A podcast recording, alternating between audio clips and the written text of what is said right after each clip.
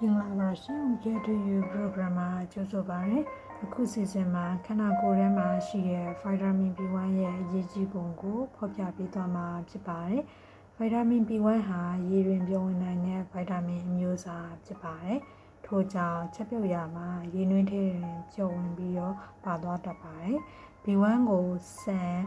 ဂျုံ၊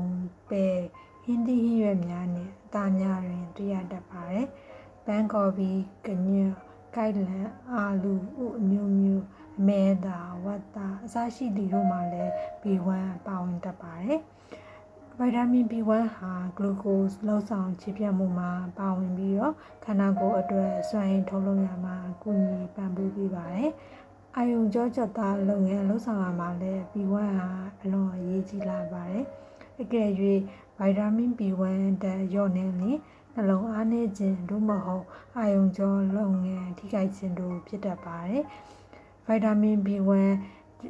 မလုံလောက်ခြင်းကိုအရက်ကိုကာလာကြာရှည်ဆောင်တောက်သုံးနေသူများနဲ့အချို့မျိုးရိုးဗီဇချို့ရင်းနေတဲ့ယောဂခံစားနေရတဲ့သူများမှာတွေ့ရမှာဖြစ်ပါတယ်ရှင်။